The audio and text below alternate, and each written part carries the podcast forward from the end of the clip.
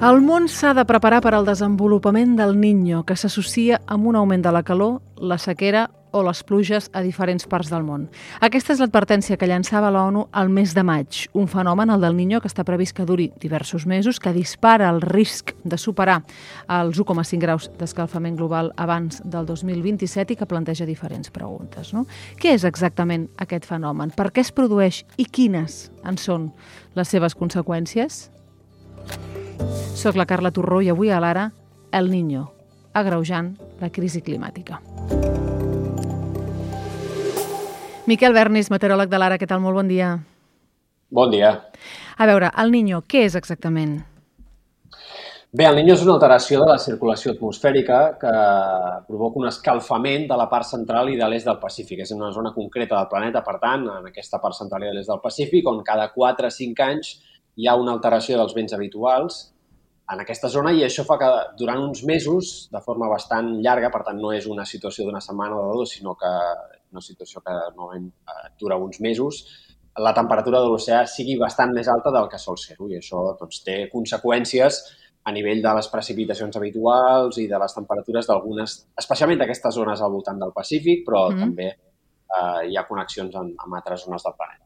I ara et preguntaré també per, per nosaltres, pel Mediterrani, però per què passa aquest Niño? Bé, el fet és que s'alenteixen uns corrents eh, oceànics habituals de la zona. Un exemple que potser la gent pot entendre fàcilment és a, el de San Francisco, que és una ciutat mm -hmm. que eh, qui no hi hagi estat eh, segur que ha vist moltes vegades fotos de, de la boira al voltant de, del Golden Gate i aquesta, aquesta sensació de que és una ciutat molt boirosa. Això és perquè hi ha un corrent eh, oceànic en aquest sector que fa baixar aigua més freda i, eh, per tant, fa que en aquest sector, concretament de Califòrnia, doncs, hi hagi unes temperatures a l'estiu normalment molt baixes i és un, un fet molt característic, molt típic.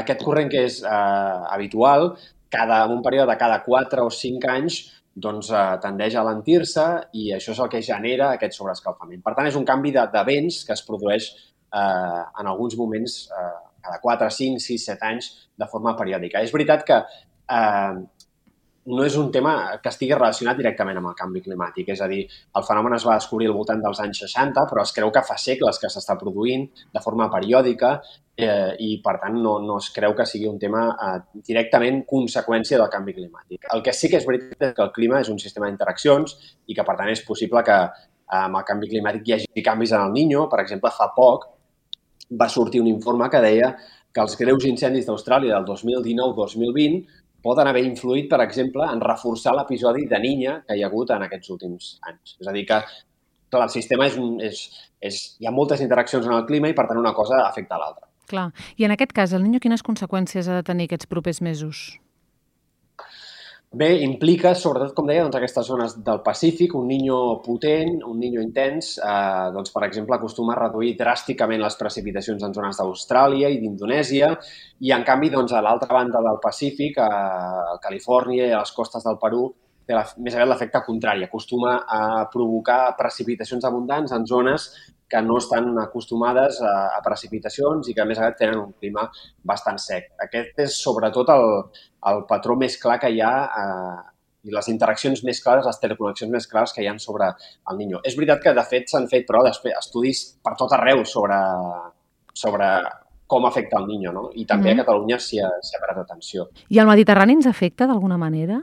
No és del tot clar. Per exemple, hi havia eh, la, la tesi doctoral de, del Vicent Altava, que vam tenir no fa gaire setmanes aquí al diari Ara fent una entrevista, eh, que parlava de les sequeres. Ell havia descobert una certa vinculació entre els episodis del Niño i les sequeres a Catalunya i semblava que hi havia un cert patró en el qual després d'un episodi del Niño, al cap d'un cert temps, doncs, eh, hi havia més probabilitat de que hi hagués una sequera. Però, clar, quin escenari és l'actual? Doncs que venim d'uns anys d'un episodi de, de la Niña, el fenomen invers eh, al Niño, molt intens, i, en canvi, estem en una situació de sequera eh, molt dura, de les més dures dels últims anys. Per tant, mm -hmm. no són clars, sí, com, com sí que són clars els patrons a nivell més pròxim a, on es produeix el, el Niño, al Pacífic, a Europa i en el nostre àmbit, doncs no, no és tan clar quines conseqüències té. A veure, estàs dient anomenant la niña. Què és la niña? La niña és el fenomen invers i el que doncs, us explicava és que aquests corrents s'alenteixen normalment eh, i produeixen aquest escalfament de la zona aquesta del Pacífic, doncs eh, hi ha un procés cíclic també en el qual passa l'invers, és a dir, que s'enforteix aquest corrent, això encara refreda més aquesta zona del Pacífic i, per tant, es produeix un efecte contrari, és a dir, que les zones on eh, habitualment hi ha precipitacions doncs, són més intenses encara i, i al revés. No? És a dir, que és, són alteracions, diguéssim, que són un mirall una de l'altra. Dèiem que no és producte de l'home, no? o no és culpa de l'home aquest niño que fa anys, que fa segles que, que existeix, però sí que contribueix a l'escalfament global, no?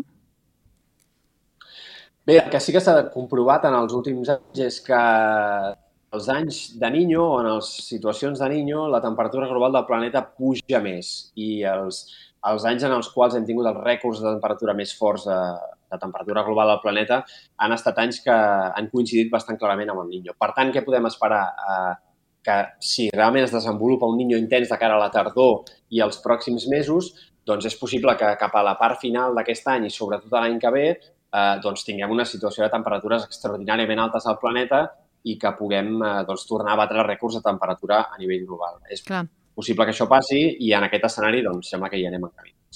La ONU advertia no? que aquest niño greuja la crisi climàtica disparant el risc de superar l'1,5 graus d'escalfament global abans del 2027, que això advertia implica moviments, els no, refugiats climàtics, els desplaçats eh, climàtics i, de fet, que s'incrementava també la, la possibilitat de, de patir fenòmens extrems, no? com tu estaves explicant, no només sequera i calor, sinó també, mm, en fi, inundacions, eh, etc etc etc.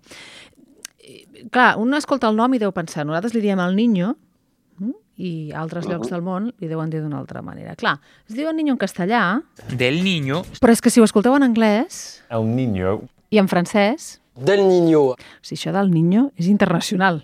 Per què se li diu així? Sí, sí l'origen del nom ve del fet que doncs, els pescadors de costes del Perú havien descobert ja abans que, que els científics ho fessin que es produïa aquesta alteració en les aigües i que els hi canviaven els patrons de pesca. Canviava la temperatura de, de l'oceà de cop i volta i doncs, espècies que pescaven freqüentment de cop i volta desapareixien mm -hmm. i, i ells havien detectat aquest patró, havien detectat que això passava a cada uns quants anys.